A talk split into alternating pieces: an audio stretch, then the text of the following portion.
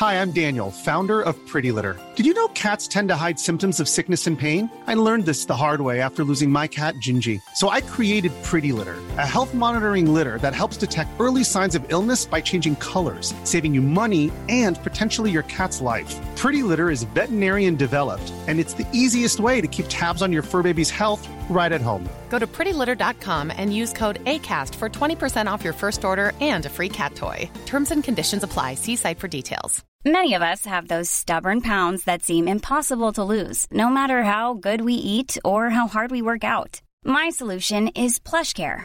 PlushCare is a leading telehealth provider with doctors who are there for you day and night to partner with you in your weight loss journey. They can prescribe FDA-approved weight loss medications like Wagovi and Zepbound for those who qualify. Plus, they accept most insurance plans. To get started, visit plushcare.com slash weight loss. That's plushcare.com slash weight loss.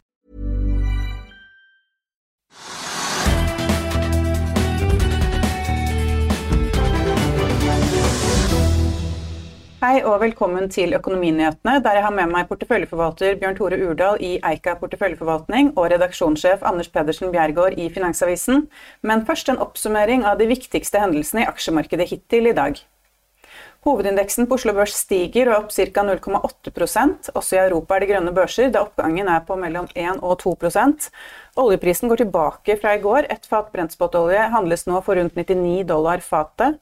Det trekker ned oljeselskaper som Equinor, Aker BP og Vår, som faller med mellom 4 og 5 men det som selvsagt opptar de aller fleste i dag, er Russlands angrep på Ukraina, der Russland har økt innsatsen i løpet av natten og dagen i dag. Ifølge rapporter er planen nå å ta kontroll over hovedstaden Kyiv, men til tross for de russiske angrepene går de fleste aksjemarkedene opp. På Moskva-børsen er oppgangen på rundt 16% riktignok etter et bratt fall i går. Og vi har med oss da porteføljeforvalter Bjørn Tore Urdal i Eika porteføljeforvaltning. Hvorfor er aksjemarkedene positive i dag, til tross for at eh, kampene intensifiseres? Ja, um La meg først starte med å si tusen takk for, eh, for at jeg fikk komme, eh, og takk for invitasjonen. Um, og uh, la meg også si at uh, dette er jo en uh, humanitær katastrofe. markedene i dag hva skal jeg si for noe, de, de, har allerede på en måte tatt inn over seg til en stor, stor del hva som, hva som har skjedd. dette er vel litt sånn klassisk um, Buy the rumor, sell the fact. Eh, jeg tror nok markedet har sett hva som er i ferd med å skje, og har delvis posisjonert seg deretter eh, de siste par ukene. Eh, og så får vi et angrep. Det virker i dag som det er hva skal jeg si for noe, isolert til Ukraina. Og vi har sett reaksjonen så langt fra amerikanske og vestlige myndigheter og eh, markedet tar på en også høyde for det vi har sett av sanksjoner. Så, så det er nok slik at eh, det har vært mye frykt som har vært bygget inn i forkant. og markedet har, som, som, jeg sier, posisjonert seg deretter i forkant. og i dag er det en, en, rett og slett en motreaksjon. Vi ser også på, på andre markeder, slik som rentemarkedet. Eh, der eh, amerikansk statsobligasjoner, tiårs amerikansk statsobligasjon, i går falt kraftig, eh, men gjennom dagen var tilbake der vi var før invasjonen. Så det forklarer nok mye av, av den oppgangen vi ser i dag. Ja.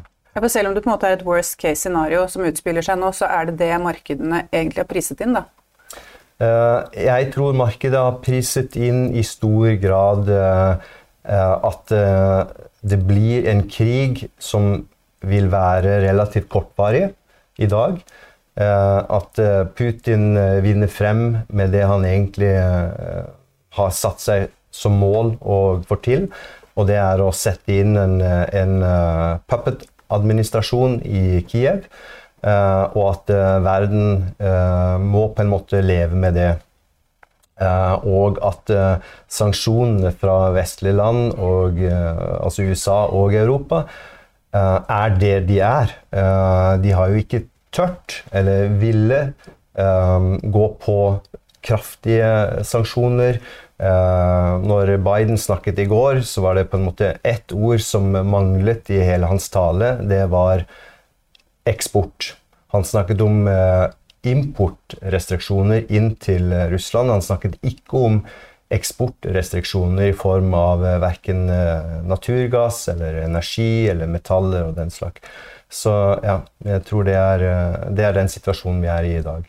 Ja, for Med tanke på disse sanksjonene, så vil jo da eh, den ukrainske presidenten han vil jo gjerne ha sterkere sanksjoner mot uh, Russland. Uh, og Det samlede beløpet er hittil 1400 milliarder dollar i russiske eiendeler. Det er da statseide selskaper som Gazprom, og det er sanksjoner mot russiske banker og oligarker. Men hvilken betydning har dette egentlig for finansmarkedene?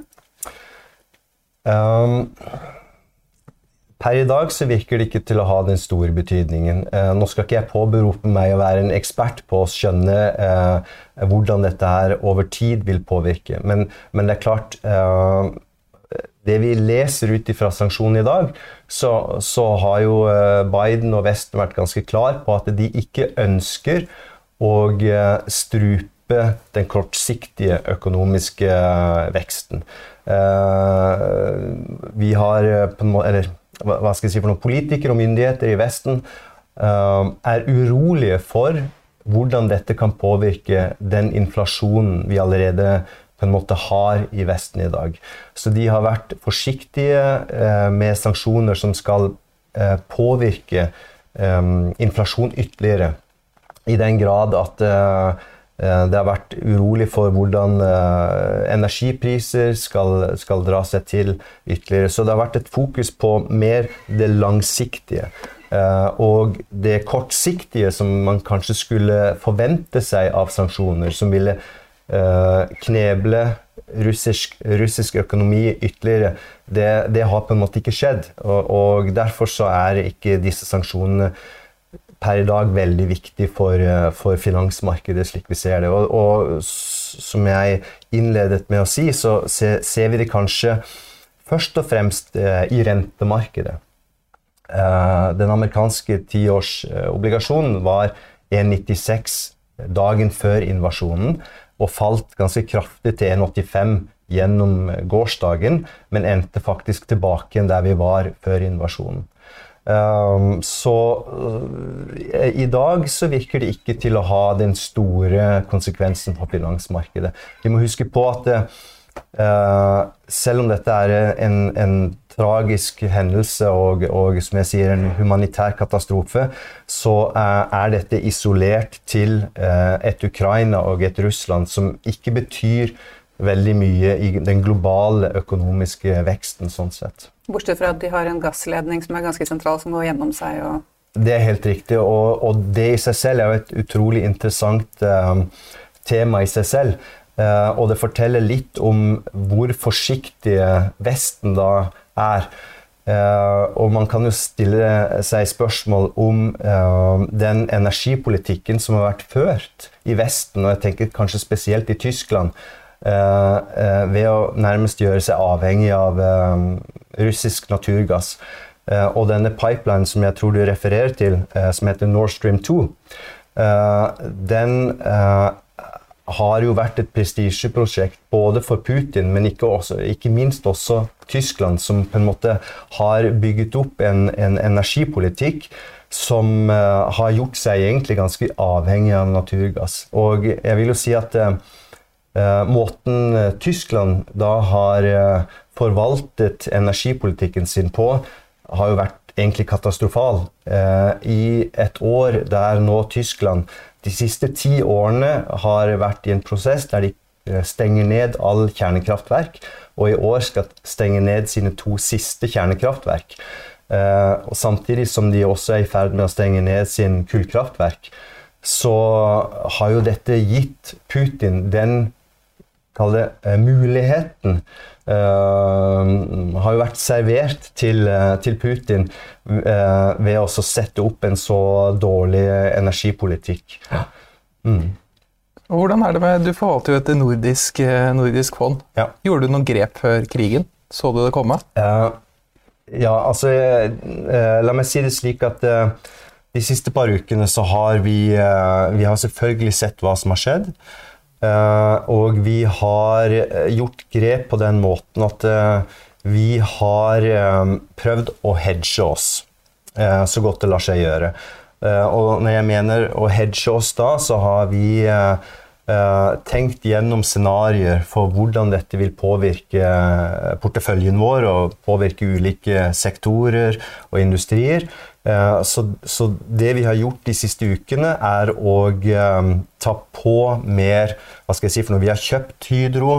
Vi, har, vi eier en god del Statoil. Vi eier eh, og har kjøpt mer eh, Yara. Slik at den eh, råvareeksponeringen eh, som vi har forventet skulle ha en konsekvens da, eh, ved en invasjon, eh, den har vi på en måte satt på plass. De siste par dagene etter invasjonen så har vi egentlig sittet helt stille i båten. det er lett å gjøre feil i en, i en, situasjon som vi er i nå i dag, så, så vi, vi gjorde Uh, omrokeringer i porteføljen uh, i forkant av, av, den invasjonen. Gjorde du også noen vurderinger på regioner, f.eks. og vektet deg ned i Finland? Vektet deg opp i Norge? Uh, vi vektet oss opp i Norge. Vi vektet oss opp i Norge. Vi har ikke gjort ellers noen store endringer i, i, de andre regionene. vi har vektet oss noe ned i Finland. Men uh, hovedsakelig så, så, vektet vi oss opp i, i Norge. Men uh, når det er sagt, så, så, tror jeg nok at det, kortsiktig nå så er Norge i en, en sweet spot. Uh, vi tror at situasjonen over tid vil være med å dra opp inflasjon. Naturgass har allerede steget kraftig i pris. vi tror det vil komme en risikopremie på energipriser. Eh, Equinor er et eh, selskap som på en måte langsiktig har en veldig god posisjon eh, inn mot det europeiske gassmarkedet og energimarkedet. Eh, Norsk Hydro vil også dra nytte av dette på den måten at eh, kostnadene for å produsere aluminium i Europa vil stige som en konsekvens av høyere energipriser. Eh, men eh, slik det ser ut i dag, gitt de, de, tiltakene som er iverksatt, så er det kanskje Yara som, som ser ut som vil kunne bli påvirket i positiv forstand. På den måten at uh, Ukraina er et, er et, jordbruksland, og vi ser det nå, at jordbrukspriser de, de stiger ganske kraftig. Så vi, vi har økt eksponeringen i Norge. Det er nok en, til en viss grad litt mer kortsiktig. Som jeg, som jeg sier, det er en viss uh, risikostyring av porteføljen. Uh, men jeg tror nok vi skal også se gode muligheter f.eks. i Sverige mer på sikt nå. Fordi um, i Sverige så er det veldig mye kvalitetsselskaper som har falt mye i år. Egentlig som en konsekvens av den inflasjonen og de lange rentene eh, som har steget jevnt og trutt så langt i år. Uh, og uh, en del vekstaksjer i Sverige har uh, på en måte blitt dratt ned av, av det regimeskiftet som vi har sett i markedet. Men det betyr også at en god del store, solide kvalitetsselskaper i Sverige begynner å bli ganske interessante nå sånn prismessig. Mm. Har du noe spesielle du titter på? Uh, ja, vi, vi eier uh, selskaper som uh, Atlas Copco, som Hexagon. Altså store, solide selskaper som, som er kanskje best posisjonert i verden. La meg ta Atlas Copco som et eksempel. Da, som, som, har en fabelaktig eksponering mot investeringen innenfor semiconductor-siden, eller halvledersiden. Eh, og det er ikke noe mindre aktuelt nå i etterkant av det som skjer med, med Russland og Ukraina. Så, så, det er kvalitetsselskaper som så langt i år har falt eh, 15-20% og som vi ser nå begynner å bli ganske attraktivt priset. Teknologi, da? Um, teknologi er vi uh, relativt forsiktige med. Uh, den eksponeringen vi har mot uh, teknologi i Nordenfond i dag, det er uh, hovedsakelig gjennom Nokia og Eriksson. Og det er rett og slett pga. deres ekstremt gode posisjon innenfor 5G-investeringer globalt sett. Og så er dette aksjer også som, som, som vi karakteriserer som verdiaksjer, rett og slett på prising. Men Du snakket litt om Yara, at det var et selskap som er eksponert mot uh, konflikten nettopp fordi at uh, Ukraina er et jordbruksland. Det er vel da hvete og mais uh, mm. som de produserer. Men hvordan er dere eksponert mot Russland og Ukraina i tillegg til det? Altså, det noen, har dere noen direkte eksponering som dere nå tenker på? nei, vi har ingen, vi har ingen direkte eksponering. Vi har noen selskaper som uh, har uh, en viss andel av omsetningen i, uh, i Russland. Et eksempel er Carlsberg i Danmark. Carlsberg har ca. 6-7 av omsetningen sin i, i Russland. Carlsberg hadde en mye mye høyere eksponering tidligere, altså oppe i 10-11 av omsetningen, men den har falt eh, nå de siste årene. Men Carlsberg var et selskap som vi eh, reduserte, solgte en god del av i forkant av eh, det som, eh, som, skjedde nå. Så det var en del av dette med å på en måte justere porteføljen i forkant. Eh, så Carlsberg er vel kanskje det selskapet vi fortsatt har en, en viss eksponering mot. Uh, vi ligger nøytrale i Carlsberg mot vår indeks, dvs. Si at vi har sånn sett uh, markedseksponering. Uh, men det er nok det selskapet vi har i dag som har den høyeste direkte eksponeringen. Så dansk, dansk øl er ikke så populært i Russland lenger? med andre ord? Jeg tror nok det er fortsatt veldig populært, men det er et av de selskapene som selvfølgelig det har vært som vi har ansett som uh, det er en viss risiko for, uh, ikke skulle kunne uh, eksportere øl til det markedet hvis sanksjonene ble alvorlige. Men hvis vi har lært noe disse siste to dagene, eller ja, vel så det, så ser vi at disse sanksjonene ikke virker til å på en måte være så alvorlig som, som man kanskje kunne se for seg i forkant.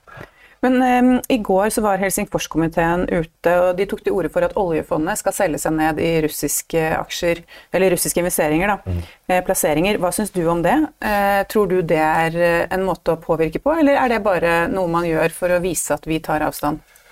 Uh, Vil Russland merke det, da, hvis utenlandske fond gjør det samme? Mm.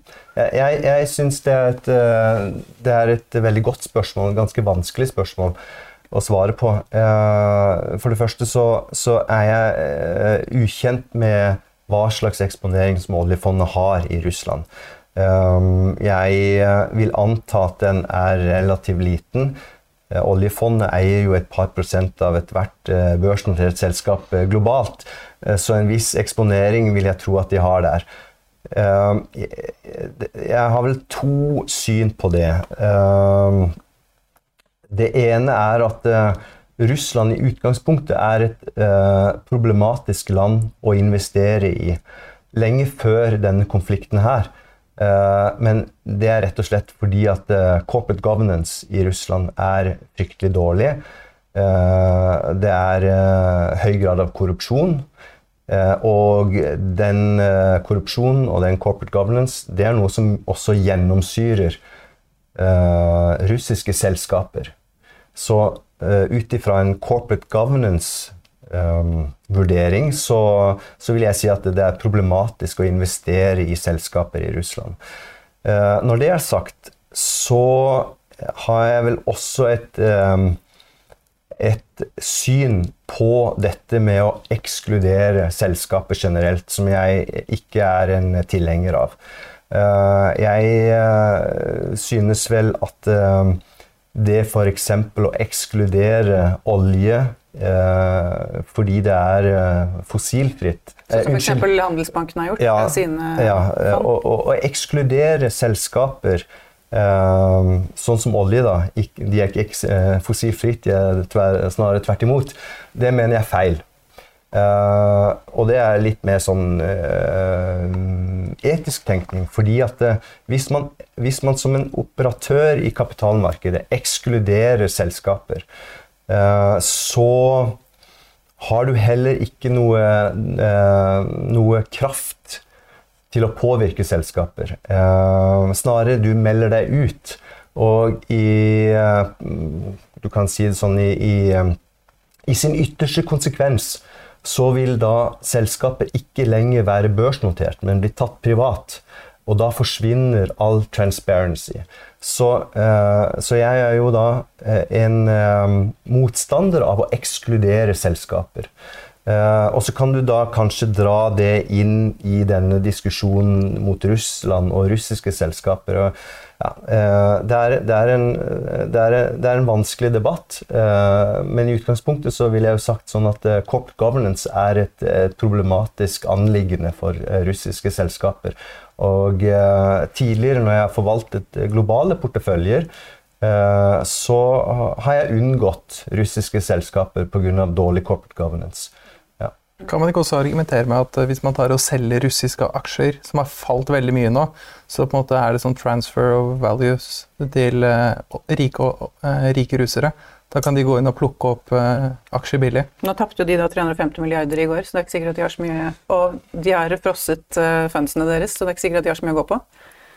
Det er, det er, ikke sikkert de har så mye sparepenger igjen å bruke, men det kommer litt tilbake til akkurat det jeg snakket om nå. At, det, at eh, ansvarlige forvaltere da melder seg ut, og så overlater du da eierskapet eh, til, eh, til, eiere som, ja, som kanskje i sin ytterste konsekvens tar selskapet av børs, og da mister man jo all kontroll. Så det, det er vel kanskje litt av av akkurat det jeg sier. Mm.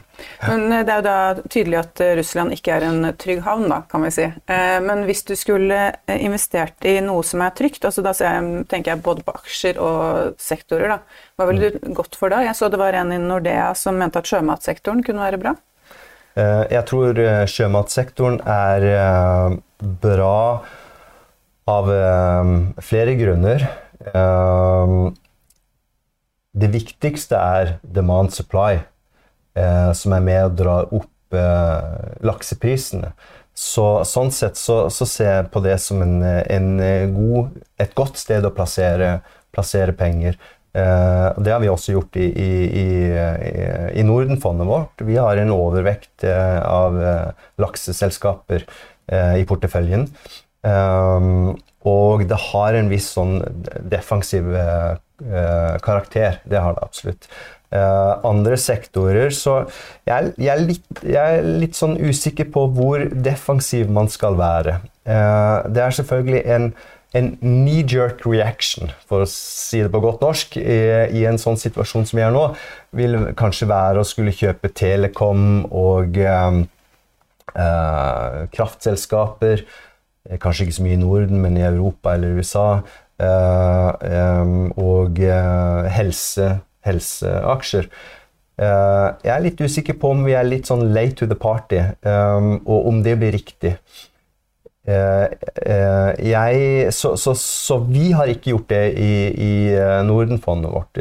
Vi har ikke lastet opp med Telekom-aksjer. De var for øvrig også på en måte innenfor sin sektor så var både Telia og Telenor og, og Eli, Telia Elisa og slike ting, de var de dårligste selskapene i går. Så jeg, jeg, jeg, er litt var på på en måte å skulle bli veldig defensiv i denne situasjonen her.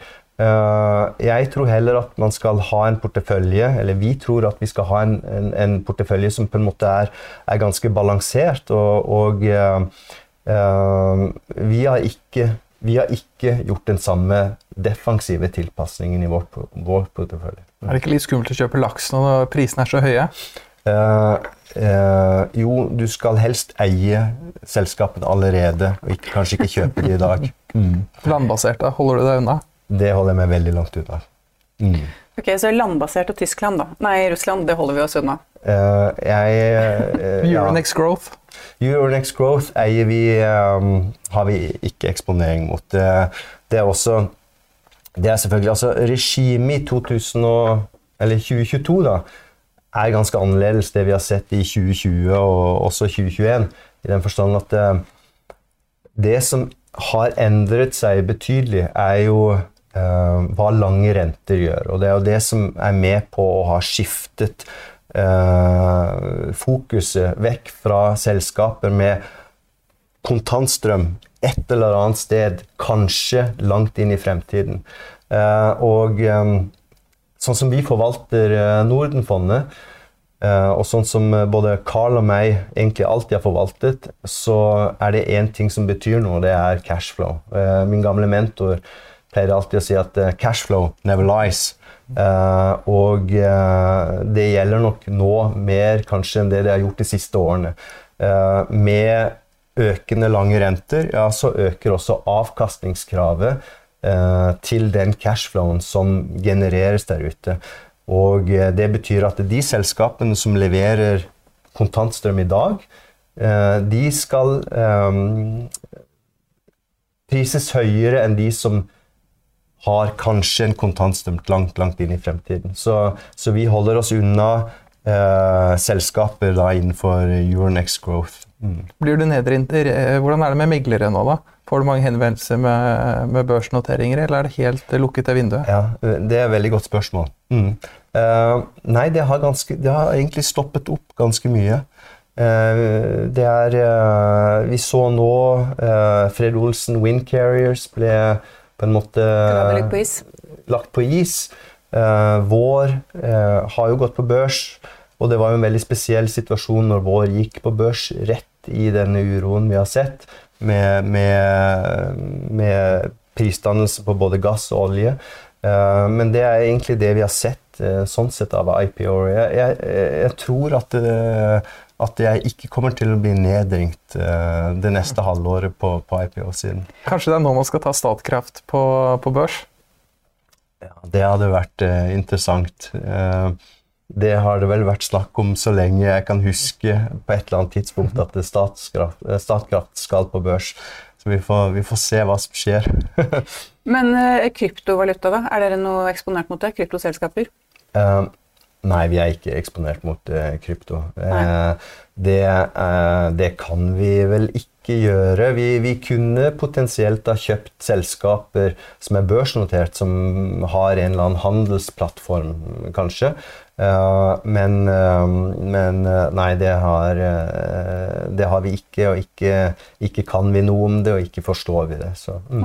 nei, for nå skal vi nemlig over til Arcane Crypto, som tidligere i dag la frem fjerde, tall for fjerde kvartal. De er da notert på Stockholmsbørsen, og disse tallene var bedre enn året før. Men også kryptomarkedet merker krigen i Ukraina. Og jeg pratet med Arcane-sjef Torbjørn Bull Jensen etter presentasjonen. Arken kryptosjef Torbjørn Bull Jensen, dere har akkurat lagt frem tall for fjerde kvartal. Hvordan gikk det? Det gikk veldig bra. Det er eh, vårt beste kvartal noensinne. Inntektene er opp. Eh, resultatet er bedre og egentlig et helt utmerket kvartal. Men du så ut som bunnlinjen var svakere? Hvis du ser år over år, så er det jo det. Men det jo, henger jo sammen med at vi har hatt en vanvittig oppskalering av selskapet. En bedre sammenligning er nok å se kvartalene mot hverandre. Eh, fordi Arcane for ett år siden var noe ganske annet enn det vi er i dag. Ja, Hvordan er dere, hvordan er dere i dag? Nei, vi er både større, eh, vi har mer inntjening, men ikke minst også mye mer spisset eh, og i prosess med å bygge ut en fantastisk spennende plattform som virkelig kan danne basen for mange år med sterk vekst fremover. Men Hvordan finansierer dere det? Så vi har jo eh, finansiert det gjennom å hente kapital eh, gjennom fjoråret. Vi har også en betydelig mining-operasjon eh, som er overskuddsgenererende. Akkurat nå så er jo strømpriser ganske høye og bitcoin-prisen lav, så inntjeningen derfra er noe begrenset. Men det går fortsatt med overskudd og er med på å dekke driften. Pluss at vi har jo inntekter fra flere av de aktive delene i Arkane. Men Ser dere for dere at dere trenger å hente mer penger fremover, eller hvordan skal det gå til? Så Vi er jo et vekstselskap, eh, og hvor målet vårt er en kraftig vekst. Akkurat nå så er alt fokuset på å bygge plattformen. Vi har det vi trenger for å gjøre det akkurat nå.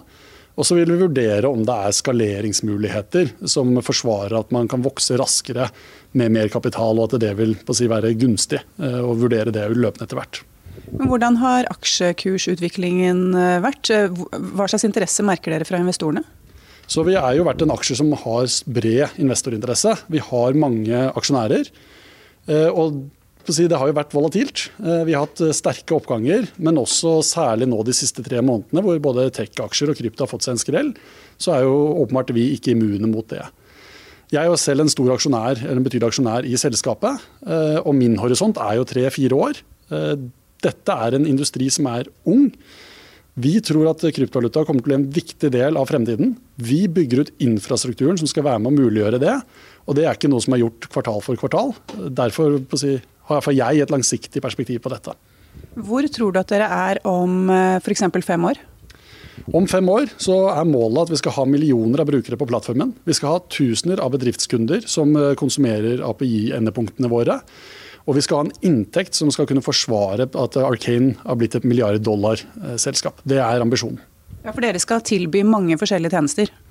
Så det Vi gjør er at eh, vi bringer sammen et fullt spekter av tjenester. I kryptovalutasektoren i dag så er det sånn at du går ett sted og veksler, og så går du et helt annet sted og får analyser, så går du et tredje sted og får investeringsmuligheter. I vanlig finans så får du dette som én meny på ett sted. Det er det vi bringer til kryptovalutasektoren.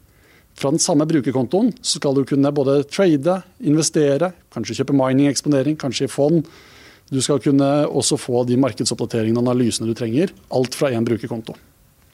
Men dere har jo da i likhet med veldig mange andre eiendeler blitt rammet av konflikten i Ukraina den seneste tiden.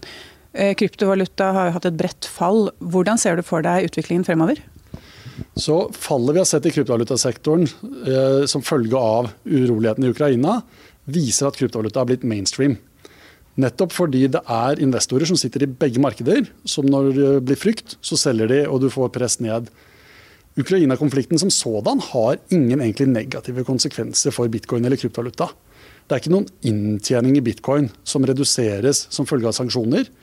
Eh, og den teknologiadopsjonen som skjer, det at det bygges bedre og bedre løsninger for kryptovaluta, det fortsetter helt uavbrutt og uavhengig av denne konflikten. Så det er en kortsiktig effekt på kryptovaluta, men har ingen effekt på hvor vi, jeg forventer at bitcoin er om si fem år. da. Men I utgangspunktet så burde jo geopolitisk urolighet være positivt for kryptovaluta. Fordi man kan bruke det da, og ikke være avhengig av eh, land, banker, sånne ting. da. Så her er det veldig mange som liksom er litt sånn påstått at liksom, ja, nå som bitcoin falt med markedet, så er liksom narrativet om at det er en hedge borte. Men jeg tror det er viktig å skille mellom å være en hedge i den forstand at man skal være negativt korrelert med markedet, å være en hedge eh, mot at systemet eh, kall det brister eller virkelig skifter. Bitcoin er det sistnevnte. Systemet vi har i dag er fortsatt ganske mye intakt. I det korte bildet er bitcoin en risk on-aktiva. Når det er risikoappetitt, så kjøper flere. Når det er lavere risikoappetitt, selger flere. Men det de si, anerkjente internasjonale investorene som da ser på bitcoin som hedge, sier er at det er en hedge mot at dollaren vil forvitre som følge av veldig stor gjeld, mye pengetrykking. Det er en hedge mot et paradigmeskift der hele globale finanssystemet endres. Det har de ikke gjort i dag. Det kan hende at eh, Ukraina-konflikten og sanksjoner er med på å forsterke de trendene, men dit er vi ikke kommet enda. Og nå skal vi over til nordmenns treningsvaner, og hvordan det har virket positivt inn for bl.a. XXL i løpet av pandemien. For særlig så har vi hamstret tredemøller. Pandemien og en eksplosjon i hjemmetrening har ført til at nordmenn hamstrer tredemøller som aldri før.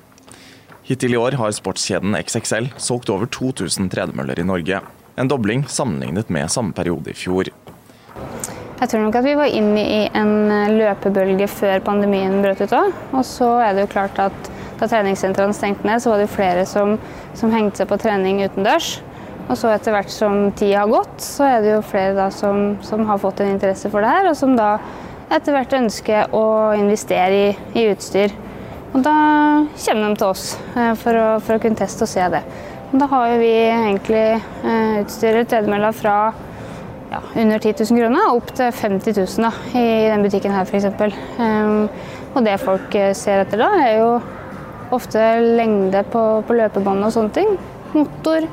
Uh, hvilken type tilkoblinger har man i forhold til eksterne apper og, og sånne ting. Da. Totalt har kjeden solgt 3500 tredemøller i Norge, Sverige, Finland og Østerrike så langt i år.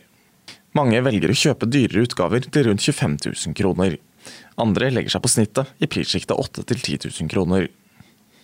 Eh, der har vi også sett en utvikling i at folk ønsker å investere i, i dyrere utstyr og, og, og, mer kvalitetsbevisst enn man har vært før. Eh, og hvis man skal ha ting som tilkobling til forskjellige apper osv., så, videre, så må man jo gjerne opp i en prisklasse over 15 000. Så av de vi selger mest av, ligger på mellom 15 000 og 25 000. Og bestselgeren? Den ligger på 20 000. Eh, når man snakker om pris, hva er egentlig forskjellen på en eh, dyr og en rimeligere modell? Det er jo mye, mye som skiller en, en, billig tredemølle fra en dyr, men først og fremst er det jo liksom ting som stabilitet f.eks. Altså hvor, hvor, tung er den? Eh, hva slags type motor har den?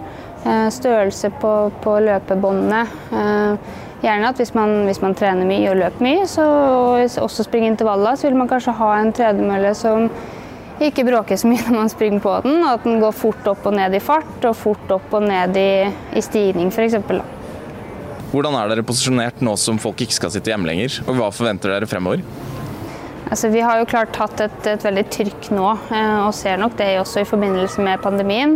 Så, så, vi forventer vel mer en flat utvikling nå, enn at vi ser en sånn enorm topp fremover. Eh, men det her er en kategori som XXL har satsa på i mange år, og som skal fortsette å utvikle og satse på.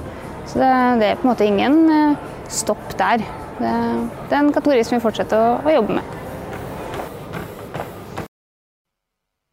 Og det er straks helg, og med det følger Finansavisens motorbilag. Denne uken har motorredaksjonen testet en ny GTS-versjon av Porsche 911s 992-serie. Porsche 911 kommer i hele 22 forskjellige versjoner med priser fra 1,5 million kroner for en Carrera til 3,2 millioner for en Turbo S Cabriolet, for de av dere som tar den trøst og bare-referansen. Og det er før du bruker flere hundre tusener på ekstrautstyr. Skulle Porsche bare laget én bil, burde det vært Carrera GTS, som er det ultimate kompromisset mellom en banebil og en gatebil til en pris som begynner på to millioner. Inkludert i denne prisen får du nå et stivere understell, aktive motorfester, større bremser og sportseksos, i tillegg til selvfølgelig en sprekere motor. Hele 480 hestekrefter betyr en akselerasjon fra 0 til 100 på 3,3 sekunder, som er nesten ett sekund raskere enn innstegsmodellen. Toppfarten på 309 km i timen får du naturligvis ikke glede av på norske vinterveier, eh, iallfall ikke særlig lenge, men kjøreegenskapene gjør at vinteren får en helt ny mening. Spesielt når du har valgt bilen med firehjulstrekk. Tabu for noen, eh, essensielt for andre. Du kan sette opp bilen akkurat så frekk og farlig du ønsker, men den er likevel overraskende lett å kontrollere på snø- og isdekte veier. Kraftoverføringen mellom akslingene og hjulparene gjør det lett å føle seg som en verdensmester, og du skremmer møtebilister mer enn deg selv når du kommer sidelengs gjennom svingene. Noen av de enkle valgene du bør ta, er å utstyre bilen med Porsches aktive stabilisatorsystem, PDCC, og droppe den manuelle girkassen til fordel for den mye mer effektive PDK-kassen med girhendler på rattet. Hvis du virkelig skal gjøre bilen ekstrem, kan du fjerne baksetene i en lettvektspakke til 102 200 kroner og sette inn racingseter i karbon til ytterligere 65 200 kroner. Men denne bilen til 2,6 millioner kroner har det meste nødvendige, inkludert firehjulsstyring. Selv om du ikke oppgraderer til sportsratt i Racetex eller et burmesteranlegg til 56 000 kroner, vil du finne deg godt til rette både når du utnytter den til det fulle, og eller ja, når du ligger bak en Toyota Prius noe du neppe gjør lenge i en Porsche 911 Carrera 4 GTS. Før vi går videre i sendingen, husk at du også kan se sendingene våre ved å gå inn på fano-tv, og at vi også har andre podkaster enn bare Økonominyhetene, som Morgenkaffen, Gründerpodkasten Veien hit, Ukens vintips, Kunstpraten og bilpodkasten Mil etter mil. De finner du ved å søke Finansavisen, der du hører på podkast. Og det var det vi hadde for i dag. Takk for følget. Vi er tilbake på mandag klokken 14.30. Ha en fin helg i et fredfullt land.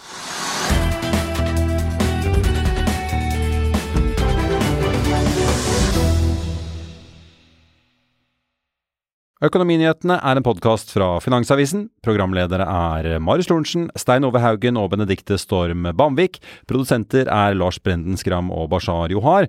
Og ansvarlig redaktør er Trygve Hegnar.